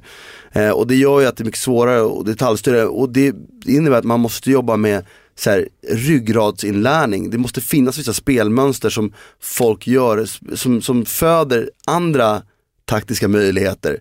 Och det är det här svårigheten sitter i. Och jag trodde inte alls på det här innan jag upplevde det själv. Och så att man kan lära sig faktiskt ganska mycket. Och det handlar inte om att, att, att springa och förstå vad man ska göra, tänka vad man ska göra är bra. Men det slår inte när man gör saker av intuition, det vill säga saker man har övat in. Och det innebär inte att du spelar dit och han spelar dit och han spelar dit. Det hinner, helt plötsligt när bollen kommer här så spelade jag in den i den ytan utan att tänka mig för. Och då, han rörde sig in i den för att han bara gjorde det, alltså, och när, de bara, när det synkar, då är fotboll som absolut bäst tycker jag. Och det är inövat till viss del men inte detaljstyrt som det är i, i basket. För det går inte att göra på samma sätt. På vilket sätt stod Stuart Baxter ut i de här frågorna? Därför att han var den första som fick med, dels, alltså, dels så, så pratade han om de här äh, ytorna att attackera i, men sen är han en, faktiskt en duktig instruktör. Han var duktig på att också då omvandla sin, för teorin i sig är ju inte så svår, det har jag haft tränare som varit bättre på, men han var så duktig på att omvandla den teori han hade i praktik, så han fick spelarna att göra de här grejerna. Och förstå de här grejerna. ryggradsmässigt. Och det gjorde att vi hade extremt lätt att förändra matchbilder på ett sätt och det, det tar jag till mig som en, en, en viktig, väldigt viktig del av att vara tränare. Det är en del, sen finns det ju andra delar som ledarskap och sånt som jag själv aldrig har testat på riktigt. Som... Thomas, vi har ju pratat en del om i tidigare avsnitt eh, hur man med smartness kan eh, fälla de eh, ekonomiska starka klubbarna och vinna sportsliga framgångar. Och där kanske när man kommer till Italien, inte för att liksom begränsa oss till det, men där så känns det som att tränarna mer generellt är på en nivå upp rent taktiskt. Hur medvetna skulle du säga att de själva är om det och hur uppburet är det? Hur mycket fokus lägger man på att vara i framkant rent taktiskt? Nej men det, det ligger ju i den italienska fotbollssjälen. Eh, liksom, själen. eh, det, det, finns en tränarskola som går långt tillbaka, alltså man jobbar med taktik på ett helt annat sätt tidigt eh, i Italien jämfört med många andra länder. Eh, fotbollen eh, i Italien också varit i framkant rent taktiskt eh, liksom i modern tid alltid i stort sett eh, och sen så har man väl tappat då kanske på 2000-talet. Eh, sen ser man ju en annan sak med liksom den italienska tränarexporten och inte bara tränarexporten för all del även sportchefsexporten, liksom, eller kompetensen, fotbollskompetensen från Italien när inte det har funnits de här stora spelarna som det alltid har funnits tidigare, eller inte lika många, så har man istället då eh, exporterat tränare och det, det, ser vi inte minst nu i, i, i Premier League då. Det, det, det kommer en hel del italienare och gör det, gör det riktigt bra. Men hur medvetna, jag tror inte man tänker speciellt mycket på eh, i Italien att vi, vi är bäst taktiskt. Eh, alltså i Italien så, så tycker man att man är bäst alldeles oavsett. lite sådär. Eh, men, men bara det att den enda sportchefsskolan, alltså så här, eh, det, det enda, den enda utbildningen för att bli sportchef direkt så finns i Coverciano i, i Italien. Eh, så jag menar, och det, den har funnits länge. Sportchefsyrket är, är också en italiensk företeelse. Alltså de första sportcheferna kom fram i Italien. Eh, silly season som vi pratar väldigt mycket om nu för tiden och liksom transfertider och hur man värvar och sånt där. Det är också en italiensk företeelse i grunden. Eh, och, och det här med deadline day var någonting som man började på Hotel Gallia i, i Milano eh, med, med, med eh, vad heter han, eh, den, den sicilianska prinsen som liksom satt där uppe och liksom gjorde spelaraffärer till höger och till vänster sådär. Eh, så, så då, då, Italien har ju styrt utvecklingen på många sätt, eh, alltså vad det gäller rent liksom det taktiska, att ta fotboll på allvar eller att ta fotboll ner på detaljnivå tror jag, att inte lämna någonting åt slumpen. Mm. Eh, vi har ju ett frågebatteri som sagt som är ganska matigt som vi måste ja, men... komma igång med alldeles strax. Men Anton Eriksson han frågar om det finns några andra tränare som du håller högt i det rent taktiska. Det finns ju många jag håller väldigt, väldigt högt. Jag menar, det är ju bara att kolla vad Antonio Conte har gjort i Chelsea på väldigt kort tid som jag tycker, jag hävdar i alla fall att det var inte ett lag som var givet att ta över att de skulle vara topp efter halva året på det sätt de har gjort det heller. Så det, där har han gjort enastående grejer. Dessutom ska man komma ihåg det när Allegri, som jag tycker är en bra tränare, eh, skördar ändå framgångar av en bra bas som byggdes upp av Antonio Conte. Det får man inte heller glömma. Så det är av många. Jag ska bara säga, på tal om Conte, bara komma in, eh, så sa jag i ett läge jag kommer inte ihåg i vilket sammanhang, men att Antonio Conte just i början på december sa att han just nu är världens bästa tränare. Och då tro, det var precis efter City-matchen, när Pep Guardiola hade styrt, de hade haft tur, Kevin De Bruyne missade superlägen och så vidare. Eh, men, men det var inte utifrån den matchen, utan det du är inne på just nu, det han gjorde med Juventus som var ingenstans när Conte tog över. Sen självklart uppbackad av eh, Marotta, Parace, bra folk. Men mm. eh, tog ändå Juventus till, eh, eh, ja, man byggde upp en, en era som nu fortsätter med Allegri, precis det du säger. Eh, sen det han gjorde med det italienska landslaget efter, det är också som jag ser det, okej, okay, ingen kommer minnas Italien från EM 2016 eh, i Frankrike för att de åkte ut där på straffar och resultat är alltid mästerskap. Men det han gjorde med det skrala spelarmaterialet och liksom utmanövrera Spanien, sättet han eh, liksom fick igång dem, sättet han förberedde det italienska landslaget inför EM med att ha 40 man eh, liksom, på träningar, köra stenhårt, bygga den här War Machine som man snackar så mycket om och sen ta vidare det till Chelsea och så bygga upp nu en, vad är det, 13 matcher i rad ut, eh, med, med vinster. Alltså fortsätt, tycker jag ändå det, det, det, det får mig att tycka att liksom, det, det just nu är världens bästa tränare. alltså fortsätter de att gå så pass bra så de har ett avstånd med sex poäng i den här ligan under våren. Jag tror inte de, jag tror att de får en dipp under våren. Men gör han det så han är absolut, alltså, han är ju en av de bästa. Sen det är alltid det här, det är olika typer av tränare också. Alltså Guardiola är en, en, en utvecklare av spelet. Och jag är inte alls säker på att han kommer gå till historien som den mest titelrika tränaren. Även om det har börjat bra onekligen för honom. Så jag tycker även det han gör, det han gör i City är också väldigt imponerande. Och jag tycker ju om det Klopp gör med Liverpool. Klopp har jag sagt när han kom till Premier League att det är ju rätt liga för honom. För att är det någon liga där pressspel är ändå så alltså det folk vill se, så är det pressspel och spela framåt. Få pratar om att när de slog City här för några veckor sedan att, att, att tänkte på det faktum att de spelar inte en kortpassning nerifrån på hela jävla matchen. Det var en lång första boll upp för att vinna boll. Det är ju ingen som pratar om det efterhand, men tittar du på det, ja vad är det egentligen? Det är egentligen en rätt primitiv fotboll. Det är Drillo. Ja exakt, fast med en mycket, mycket bättre press högre upp. Och vinner de bollen sen, då har de några tydliga spelmönster att att använda sig av. De vet att när han blir rättvänd där, då sticker du, eller, då, eller någon av oss, då attackerar vi de här ytorna. Och så fyller ni på dem, eller du den, så droppar han, då måste du fylla på. Alltså det finns några grejer som, där samspelet fungerar väldigt, väldigt bra. Eh, så Klopp är också en jättebra tränare. Det finns ju många i Tyskland överhuvudtaget. Tyskland har en tränarskola nu som jag tycker är intressant när det gäller pressspel högt upp i banan. Eh, Italien är fortfarande bäst på det här tycker jag med det här med att kunna falla ner och försvara ytor. Där tycker jag fortfarande Italien är ledande. Men sen måste vi ju säga Spanien, jag menar det sätt de jobbar med sin spelarutbildning. De gör, lär sig här de är också väldigt duktiga på presspel högt upp i banan i Spanien. och de är extremt bra på det bollhållande spelet och det är ju också en form av taktik och utbildning av spelare där, där Spanien har, har varit extremt bra väldigt länge. Finns det några svenska namn eh, som eh, kittlar dig? Jag vet du har ju jobbat tajt med Superettan under tiden som Jimmy Tillin och Graham Potter och Ja, de har varit där. det finns ju en, jag måste säga att det, och tränar, tränar, tränare är i två delar, eller är fler delar, men två utmärkande delar. Det är ju ledarskap och fotbollskunnande. Eh, I Sverige har vi varit väldigt ledarskapsdrivna under väldigt många år, under alla år egentligen. De bästa tränarna som vinner mest är ju bra på ledarskap. Lite sämre på det taktiska. Vi, alltså det har varit en sån här vanföreställning som vi hade när jag växte upp att Sverige var bra taktiskt. Nej, vi är faktiskt ganska dåliga taktiskt. Vad vi är väldigt bra på i Sverige det är att underordna sig den taktik som faktiskt finns däremot. Till skillnad då från, jag, jag spelade här Serie B-laget i Italien då när jag var på mm, avrundning av min karriär så den taktiska nivån, kunnandet i laget, fotbollsspelförståelsen var extremt mycket högre än att jag spelade i Sverige. Och, men däremot när, när det liksom gick emot oss i matcher, då sket folk, då man verkligen behövde sluta sig och jobba mer tillsammans, då började folk skrika till varandra, sluta göra det kollektiva arbetet.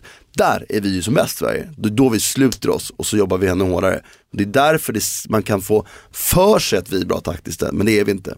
Och där, är, och där du nämner då, Jimmy Tillin är absolut en sån tränare. Bartosz Grzelak eh, i Frej. Graham Potter är ju en alltså Guardiola-typ på sitt sätt. För han är ju mer än bara det taktiska. Det är ju en Mer hel... filosof, Ja, det är en hel fotbollsskola där uppe som, som är fantastisk att följa. Så det, vi ser ju ett skifte, vilket jag är väldigt glad för. för jag är väldigt trött på, på den här tränartrion, eller trion, tränartrojkerna som flyttar runt och är jätteduktiga på, på ledarskap, eller duktiga på ledarskap åtminstone, men som fotbollstaktiskt är väldigt begränsade. Så, sen är det ju det, vi måste ju också börja underifrån, man kan liksom inte, eller man kan ju börja ovanifrån, men vi måste ju skola våra spelare bättre taktiskt och det sker ju också nu. Det som är riktigt, riktigt intressant i svensk fotboll just nu det är att vi har så otroligt många kullar på rad på varandra följande som är väldigt bra. Vi har inte haft det under hela min levnadstid, så många. Det har alltid varit kullar så här, du vet 77orna var ju riktigt bra, 76-77orna som var mitt u lag var ju riktigt bra. 81orna var riktigt bra, det kommer några kullar men här har vi då liksom, ja men 92-93 var ju rätt bra. De var- 79 var svaga. Ja, de var sjukt svaga. Nej men det fanns en del, det är bra där också. Men vad jag menar, 92 och 93 vann ju SM, eller OS-guld. Eh, individuellt sett kanske inte jättebra, men då var det 94, 95, 96, 97, 98, 99. Det är ganska många av de här kullarna som är, i varje fall i nuläget ser väldigt bra ut. Sen var de, för det är också nästa grej då, att de är bra när de är 17 betyder inte att de är bra när de är 22. Men grunden för att göra bra fotbollsspelare när de är 22 år har aldrig varit så bra som det är nu. Och det sägs att 00, 01 och neråt är bra. Och vet du vad det är ett tecken på? De här akademierna i Sverige funkar väldigt, väldigt bra just nu. Och vår systematisering av träningen. Och kan vi bara fatta om vi får ut, för just nu är det ett problem att det, det är kopplat till lagen. Om vi lyckas få ut det här på bredden också. Då är vi liksom ett land som, som helt plötsligt likt typ Portugal och sådana länder som kan avvika från vår lilla folkmängd och prestera bra fotboll. Nu drömmer jag lite här men eh, okej, Det får man hoppas- göra. Det ska man göra. Du Martin, vi har en present till dig. Ja. Du eh, har ju ett väldigt etablerat rykte om dig, i alla fall eh, åsikt kring dig, att vara kanske Sveriges bäst klädda eh, sportjournalist eller sportprofil, tv-man. Bra. Eh, håller, du med, håller du med gängs åsikt? Eh, Det känns som Martin, han lämnar ingenting åt slumpen, på tal om det, när han klär sig. Eh, jag är mindre genomtänkt än vad du tror. Det handlar nog mer om en så här medfödd känsla för att in, alltså att, Du lämnade ju inte hemmet i morse och det bara blev så här. mm, alltså det är på vad du menar. Det är klart att, att jag inte bara rycker första tröjan i garderoben. Och jag är absolut, jag försöker lära mina barn där, alltså vi går inte ut i mjukisbyxor. Alltså, man, Försöker någon- lära Gustav det också. Ja, men, men sen är det en generationsfråga, det vet jag ju. Att det, men så här, jag tycker någonstans ska man ju vara lite genomtänkt i allt man gör. Sen behöver man inte vara detalj, för det är också fel när det blir för detalj. Folk som tänker på alla detaljer, det är ju också fel ju. Det ser ju för utstuderat ut, så konsten är ju att bry sig nog, men inte för mycket. På tal om Östersund, du måste ju ha älskat när de blev nekade på Soap Bar när de firade det allsvenska avancemanget och eh, halva laget stod där i träningsoverall och vakterna var stenhårda. Vi skiter i om ni har gått upp i allsvenskan, ni kommer inte in sådär. Ja, en, de- en del av mig är lite ledsen för jag vill heller inte vara dömande. för det är nästa grej, så här, jag tycker ju i grund och botten alla ska få vara som de själva vill. Eh, sen är ju gläder det mig att vissa liksom är intresserade. Jag, jag slits ju alltid mellan den här, jag är en ganska elitistisk sida när det gäller allt och så har jag en folklig sida genom allt. Och jag slits alltid mellan de här och den elitistiska sidan jublade såklart och tycker att någon, någon någon jävla måtta får det vara. Fan man går inte ut i mjukis. Alltså, fan, vi är vuxna män, jag hatar när folk eh, som är 40 år går i en t-shirt och kavaj och, och tror att det är, eller 45 år och så, så försöker, du vet, köper sneakers för 3 500 och, och aktningss för 3000 spänn och så försöker vara liksom sån tonåringar. Man bara, vad fan, är man 45, 5, vi är män, vi är gamla gubbar, börja klä er som män då. Samtidigt som jag då å andra sidan säger Nej men vet du vad Martin, de, folk ska klä sig som de själva, alltså, vad spelar det, och det spelar ju egentligen mig någon roll. Så jag slits alltid med den här, för jag tycker också synd om dem som är här nere, vinner, det är klart att de ska få komma in. Så att jag, det är en evig diskussion med mig mellan det. Klär sig fotbollsfolk generellt för dåligt? Fotbollsfolk menar du vad? Spelare, ledare. Nej, de kanske inte är sämre än vad, alltså jag kan ju tycka att, att eh, Jag tycker det finns en intressant liksom, eh, röd tråd mellan väldigt framgångsrika i då rent ekonomiska termer mått mätt och eh, helt bedrövliga outfits. Du tänker på Neymar, eh, Aubameyang. Balotelli, det känns som att ju mer cash du har desto sämre klär du dig. Så kan man absolut säga. Vad Ser heter man, det här märket? D-squared. D-squared ja, precis. Det var ju ett favoritmärke för mig i slutet av 90-talet, de här två bröderna. Jag har faktiskt träffat båda de bröderna. va? Ja, Dan och Dean, två tvillingar.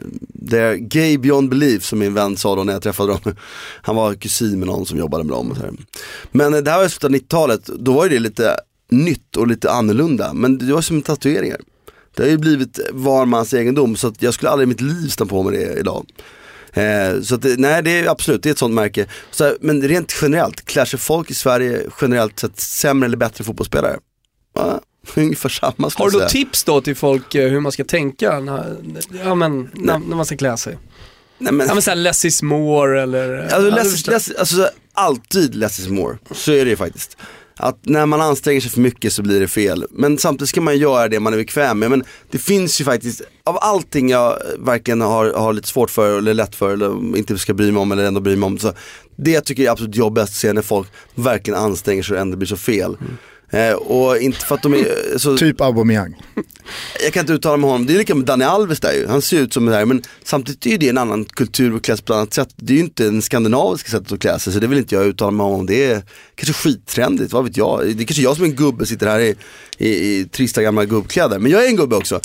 Jag men Thomas, vad vi var inne på där, det var inte, vi var inte klara med det här, tack. Men innan vi kommer dit så måste vi liksom bara avhandla, för det här är en viktig grej, kom ihåg. Fotbollsspelare klär sig generellt sett inte sämre. Det finns en bransch som jag tycker klär sig bra, det är finansbranschen. Där är folk otroligt välskräddade och välklädda och det blir en grej. Och det, det är faktiskt samtidigt då ett resultat av att de tjänar för mycket pengar kanske. Men skitsamma, det är i alla fall en, det, det är ju, det är mig glad att se. Men fortfarande, folk ska klä sig precis som de själva vill. För alltså, Den folkliga av, eh, sidan av Martin får liksom avsluta. Får komma ihåg att jag, jag, jag är min, min farfar var grävmaskinist, min, min farmor skulle, hon handlade på Coop, hon eh, skulle aldrig för sig gå på. Ica. Ja, ja exakt, men det var ju kooperativet. Så att jag, jag kommer ju från en väldigt, väldigt, eh, två skilda världar liksom. Jag och Thomas har i alla fall ett tips, ett generellt tips. Det är att man kan gå in på grandfrank.com Ja, och med eh, rabattkoden TOTOBALUTTO få 10% rabatt i hela januari. så man behöver inte ha jättemycket pengar för att klä sig snyggt. Nej, eh, vi Och där kan det man är också klä verkligen sig sant. less is more. Det är verkligen sant, alltså, att ha en bra stil kostar inte pengar. Nej. Vi har i alla fall valt ut en tröja i deras sortiment som vi tycker är väldigt Martin Åslund. Så att eh, här får du en eh, present eh, av mig, gubbe. Jag är 40 Thomas och eh, Grant Frank. Du får ju säga om, eh, om den är Oj, oj, oj. Martin Åslund, den här tröjan. Ja men det är den absolut, det kan jag ju se på en gång. Den är ju faktiskt riktigt snygg. Faktiskt. Mm. Nej men jag visste inte vad jag skulle förvänta mig här. Den är ju lite Gusten, jag lik ser- den tröjan du har på dig, Ja, på ett exakt. sätt. Ja. Alltså väldigt Martin Åslund. Ja, alltså Gusten, du och jag sympatiserar inte alltid i klädstil. Du har ju lite såhär sprezzatura-stil ibland. Jag är... Jag, jag, jag, Du är tio år yngre än mig, eller Så mer det. till mig. Så att jag, det, återigen, sen är det jag funderar ju på en tribal. Hoten sved. aj, aj, aj, jag ska hålla tyst här. Nej men grejen är, det är en generationsfråga också. Är man, eh, jag är faktiskt 40, jag måste ju se ut som en man då. Jag kan inte gå och klä mig som en, som en tonåring och försöka vara yngre än vad. Det, det tycker jag, det, det, det, försök tänka så. Ja men var glad att du blev eh, glad för tröjan Tack. i alla fall. Eh, Och som sagt, Medium konstaterade jag också. ja, vi, eh, vi ville inte riskera att hamna i en situation att vi ger dig large och du ja, tar det som en passning. Nej, Så att, eh, det- Skulle det den inte rätt i. sitta så kommer du få en large istället. Ja. Eh, Jag som sagt, tänkte mer på om jag skulle small istället. Grandfrank.com, 10% med rabattkoden TOTOBALUTTO hela januari. Klär er som Martin Åslund så kommer ni in på Sopar. Som vanligt så brukar tiden bli ganska knapp när vi har en gäst. Och det känns ju extra tråkigt när det har eh, smattrat in frågor och det har varit ganska så många bra frågor. Men vi ska försöka hinna med så många som möjligt bara. Magnus Berglund, han undrar om du tror att fotbollen kommer bli mer eller mindre ko- kommersiell och om mer, hur kommersiell kan den bli innan intresset sjunker eller kanske rent av dör? den kan bli ofantligt mycket mer kommersiell än innan det sjunker. För jag tror att det kommer bli ofantligt mycket mer kommersiell. Jag tror att vi kommer att se en, en uppdelning. Alltså det kommer bli så, alltså, vi har ju bara sett början på lönerna. Alltså, fotbollsspelare har, har sett intresset känt, känna att väldigt, det är väldigt många som är rika på fotboll. Det är väldigt få som är rika på hockey och amerikansk fotboll. Men toppen där har tjänat väldigt bra jämfört med fotbollsspelare, typ som våra bästa. Vi kommer se nu en topp i fotbollen som bara blir vi kommer ha massor av miljardärer i fotboll för Kina ska in, Indien kommer komma in, det kommer växa ofantligt innan det här är över tror jag. Eh, och vi kommer bara se då graderingen, vi kommer få en världsklubliga tror jag. Där de kommer spela i och vi kommer se då, för, och så det kan man tycka vad man vill om, men det finns tillräckligt många som vill det och då kan man följa sin liga ändå. Jag tror man kommer, vi kommer, precis som resten av världen, så blir det en differentiering av olika intressen. Thomas har ju ställt sig på barrikaden och kommit ut som Sveriges första liksom, välkomnare av den här eh, superligan. Jaha, intressant. Stö- jag- Stöttar du också den? Eh, jag är ju, en, eh, är ju konservativt lagd eh, rent generellt men jag har slutat stötta så jag tror att det som är fina med fotboll, vilket folk underskattar lite, folk tror ju att fans inte har någon makt alls. Men fans har mer makt än vad vi tror. Det tror jag också kommer öka. Inte den här detaljfrågorna, för det kommer vi aldrig få någon makt i. Men vi kommer få makt av de större skeendena. Så att blir det en superliga, så är det för att i grund och botten finns det intresse för det. Och det är det jag var inne på. Det, det vi pratar om är såklart Champions League och Mm. den, det här förslaget som ligger på bordet som säkerligen kommer röstas igenom. Eh, med att man helt enkelt tar ut då de största ligorna, de bästa lagen i de största ligorna och, och skapar en egen slags Champions League för dem. Eh, och anledningen att jag tycker att det är bra, det är för att vi, vi, vi har de senaste, ja men egentligen sedan Lennart Johansson gjorde om Champions League, hela tiden närmat oss en mer eh, elitliga. Sen gick man tillbaka lite och to- tog in, eh, eller öppnade upp möjligheten för mindre lag som vinner mindre ligor eh, att komma in i Champions League. Men det man har sett, det jag tycker de senaste åren i Champions League-gruppspelet som har gjort det mindre intressant att följa just gruppspelet, är att de mindre lagen, de spelar och tycker att det är coolt att möta de stora. Wow, nu kommer, nu kommer eh, Chelsea eller Juventus eller PSG på besök med de här världsstjärnorna. Men i slutändan, och, och, de stora lagen är snarare så här, ja men vi åker dit, städar av det, vinner matchen med så lite energi som möjligt eh, och vi ska, målet är bara att ta oss till åttondelsfinal. Och kollar man tillbaka nu på den hösten som har varit så har ju, vad jag tycker i alla fall, intresset svalnat lite för det här gruppspelet. Jag tycker gemene man pratar mindre om Champions League och hur häftigt det ska bli och, och kolla på tisdagarna och onsdagarna. Och de här stora lagen, ja det är de som går vidare, det är väldigt få skrällar. Och eh, ja, men man vet utgången. Och då tappar man bort det som, som, som är grunden i all idrott, den här nerven. Uh, att, eh, att, att uh, det, det, finns en, liksom en konkurrenssituation där ute på fältet. Eh, där det faktiskt finns möjligheten för de andra lagen att vinna också. Det, det, har blivit så enormt stora gap mellan de bra och eh, de lite mindre bra då. Och därför tycker jag då är det lika bra att man skapar den här eh, elitligan gör det fullt ut och så gör man någonting annat för de andra lagen där de faktiskt har chans att, att konkurrera. Jag säger inte emot det, även om jag inte håller med dig alltid, framförallt kanske inte i varför det blir så. Men så här, jag tror i grund och botten, som, som, som, du också är inne på, som jag var inne på innan, är att det, den här ligorna skapas ju inte om det inte finns intresse. För att det är någonting vi vet att de ska räkna hem det och räknar de hem det så, så finns det intresse. Och då kan ju vi elitistiska, eh, lite konservativa supportrar säga vad vi vill om det. Och jag tror det, det är så här, eh, men vad händer? men man tittar ju på Championship eller Serie B eller Segunda. Det är också kul och det blir liksom en, det, det, det kommer bli en differentiering i det, de sakerna och där kanske då de här superligorna blir men inte kanske alla de här mest hängivna alltid med och kollar på de matcherna, vad vet jag. Eller så blir det tvärtom att de också är med på det.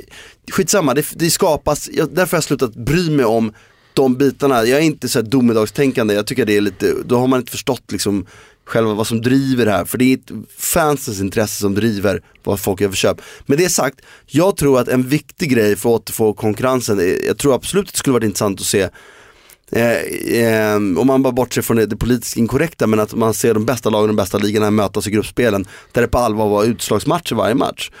Där peng, det grund, pengarna var så stora för de här klubbarna med ändå, så att, att ta sig vidare, att åka ut innan grupp, åttondelsfinalen, det är ingen katastrof, det är bara de bästa som går dit. Men en viktig grej är att vi gör om Financial Fair Play, det var skit från början, det är begränsande i sin utformning och det är begränsande i fotbollen som helhet jag tror att det å andra sidan i slutändan kommer spela mindre roll för att det kommer att fasas ut. De kommer inte fasa ut Financial Fair Play, för, men den delen av det, det här att man inte får ta in pengar hur man vill. Det är en viktig grej att komma åt tror jag. Men eh, svar på den här so stora frågan, nej det kommer bli mycket kommersiellare. Jag tror inte att det kommer bli någon död fotbollen. Jag tror att det kommer bli en differentiering av intresset. Eh, men alltså, man måste förstå att all förändring drivs ändå av, av, av ett grundläggande intresse. Det kanske inte är ditt och mitt intresse, men Marknaden styr lite grann. Ja, och, och marknaden styr inte som en ond hand som folk brukar tro. Nej. Marknaden styrs av att det finns folk som är beredda att betala. Och om en miljard människor, människor är beredda att betala, varför ska vi 10 miljoner lite finare supporter säga att det är fel för? Jag önskar kunna göra det med trovärdighet, jag kan inte det, alltså håller jag käften. Du pratar om en breddad topp, du nämnde Kina, du nämnde Indien. Marcus Bylund, han undrar hur du ser på USAs frammarsch. Var ser du MLS och amerikansk fotboll om en sådär 10, 15, 20 år? Kom, kommer de bli bäst? Amerikansk eh, socker, fotboll är inte så sport. Ja, men, ja, nej, det kommer de inte bli. Och de har problem med, där, alltså, deras, alltså, amerikansk fotboll är vidrig i sin ägarstruktur tycker jag. Den bygger ju, såhär, all, alla vänner bara, men det blir dyrare för oss supportrar och sådana grejer. Men i slutändan betalar supportrar precis, för det är inte billigt att gå på NFL. I slutändan betalar supportrar på fotboll vad, vad, vad, det, vad intresset ligger i. Det, det, är, det är bevisat med forskning. Det går inte att sänka biljettpriser, utom möjligtvis på säsongsbiljetter. Men vad som man skapar annars i den svarta, svarta börsenmarknaden däremellan. Så att det går inte att få ner, det går inte att göra det billigare till supportrar, det går inte att ge tillbaka pengar till supportrar. Det är svårt, det går liksom inte att nå dit. Och då är det två saker, vilka ska tjäna pengar? Ägare eller utövare? I min värld utövare. Varför ska en ägare, de här amerikanska ligorna styrs ju på ett sätt som gör att de som äger klubbarna tjänar pengar. Jag tycker det är förkastligt. Jag hatar den formen av fotboll, jag hatar NFL, jag hatar NBA, jag hatar MLS i sin utformning för att jag tycker att det är, är så alltså, djupt orättvist och jag tycker att det, det är verkligen bara den dåliga sidan av USA där bara de rika ska tjäna mer. Och du tror att den strukturen, Den förlorar mot, för att det är som stark, demokratin och den fria marknaden är starkare.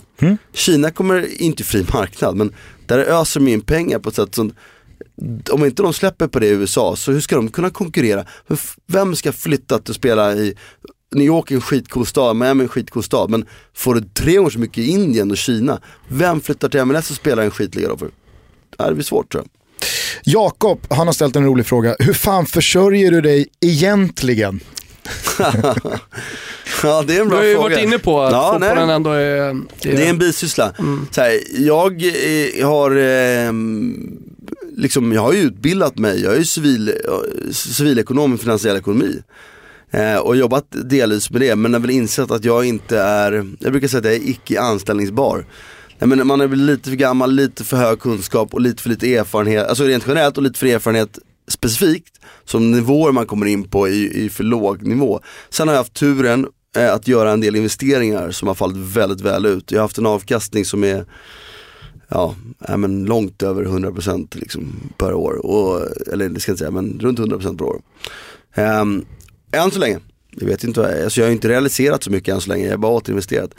Eh, och det har jag lever jag på och det är det som jag kommer göra ännu mer av. Och därför jag också bestämde mig i somras för att jag kan inte lägga tid på eh, jag var lite trött på att vara förbesatt på TV4 där jag i omröstningar bland våra tittare är rankad etta i hela TV4-gruppen, fick jobb som sexa. Kände jag bara att det inte är värt det för mig när jag inte behöver leva på det här. Alltså ska jag inte, och då sa jag att då, då ska jag inte fortsätta jobba med Tog det, för liksom. mycket energi. Nej men framförallt så, så nej, jag tog ingen energi alls. jag var mest att fan, jag har bättre saker för mig. Jag kan kolla fotboll om jag vill. Varför ska jag liksom sitta och, och lägga någon energi på att bli irriterad på, på, på ett beslut som fattas, bes, bevisligen inte. För det var ju min bild av det, T4 var extremt mycket intern politik. I don't like. Det är väldigt många som har frågat eh, frågor kring just det här, därför bakar jag ihop det till en fråga. Du har redan nämnt det som att när du blir tränare, hur ser du på din tränarframtid? Um, så här, eh, jag kommer att bli, jobba som tränare på, på något eller annat sätt. Allra helst skulle jag jobba, de resurserna finns inte i Sverige i, i elitklubbarna ännu, men allra helst skulle jag jobba med, med så här, detaljer och det taktiska i spelet. Jag är inte än så länge så sugen på att övergripande ansvar. Jag är inte lika triggad av att leda människor som en del är. Vilket vi ser mer och mer. Jag menar, tittar Mourinho så leder han människor, så har han folk bakom sig som gör andra delar en sån del bakom skulle jag jättegärna göra. Där man kanske jobbade med från 16-årslag, 17-årslag, 18-årslag och eh, det är ofta två lag i och för sig då, men de, de åldersgrupperna och med A-laget där man jobbar då med eh, delar i spelet som man hittar egenskaper, jag menar AIK har haft Ofor i sig i laget och har utnyttjat hans egenskaper extremt dåligt. Han har unika egenskaper som gör att han kan, man kan addera saker i sitt anfallsspel som man inte har gjort. Har du Eh, fått några sådana här erbjudanden? jag har haft tre sorters olika erbjudanden. En som styrelsemedlemmar, jag jobbar i styrelsen. I AIK? Jag tänkte inte säga vilka klubbar det är. Ehm, och jag har fått erbjudanden om att jobba som andetränare. Och jag har fått erbjudanden att jobba som, och det har jag gjort några sådana enklare, men så konsult, sportchefsgrejer i lägre divisioner. Liksom. Där de då vill köpa in, och eftersom jag är då inte, alltså man kan absolut gå in och tjäna kort, pengar på kort tid för mig själv men eftersom jag tror på kontinuitet och långsiktigt arbete så det, skulle det vara motsägelsefullt om jag hoppade på allt för många sådana grejer. Eh, på tal om konkreta erbjudanden, när eh, ni åkte ur allsvenskan med AIK 2004 så valde du att dra till Italien och Salernitana. Fanns det några andra bud på bordet där? Från Norge och Danmark bara. Inga allsvenska erbjudanden? Jo, det fanns det ju. Men jag vill inte spela allsvenskan. Jag vill inte spela något annat lag än AIK i Sverige mer eh, efter det. Så att eh, på elitnivå liksom. Nej men sen var det så här, jag hade gärna varit kvar i AIK men jag kunde inte göra det valet själv. Jag hade en familj som mådde jävligt dåligt efter det året och, och um, jag pratade en hel del med både Sandro Catenacci då, som var, var, var högste chef och med Rickard Norling som skulle ta över. Där um, båda två ställde sig djupt frågande till mitt val att flytta ner. För jag flyttade ner dit på vinstförlust. Men för mig var det bara så här, jag var skadad i sex år. Jag visste inte, två år tidigare har jag fått höra att min karriär var över. Eller kanske förmodligen var över. Och så har jag lyckats jobba mig igenom den skadan och återkommit och kunde fortfarande spela fotboll. Och jag visste inte hur länge till jag skulle ha på mig. För mig var det så här, jag ska ha en livsupplevelse jag hade gärna stannat kvar i Italien, men eh, min fru ville hem eh, till Skandinavien för hon ville börja jobba. Du hade kunnat stanna kvar, eller hur? Ja, det, det, så det fanns ju erbjudanden att, välja och det fanns möjlighet att gå och provträna och jag var beredd att pröva det. Jag trodde rätt hårt på min förmåga att, att liksom övertyga nog. Jag visste att jag kunde erbjuda någonting som italienska lag inte hade.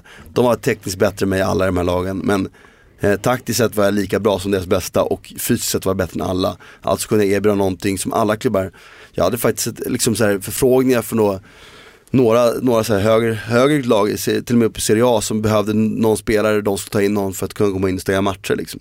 Därför att den egenskapen visste jag att jag kunde erbjuda. Liksom. Men eh, det, jag, jag förstår min, alltså min fru var färdig, hon hade blivit, innan vi flyttade ner dit så har hon precis gått ett halvår efter sin utbildning var klar. Hon bodde i Italien då med mig då det året det var ju inte liksom, där fanns det inga möjligheter att göra någonting av sin utbildning. Det är en färskvara och jag menar, ja, det var dags för ett nytt liv, vi visste det. Du, eh, Oskar Angestav har ställt den här frågan. Jag vill bara eh, innan jag ställer frågan klargöra. Eh, din morfars son är Alex Schulman. Mm.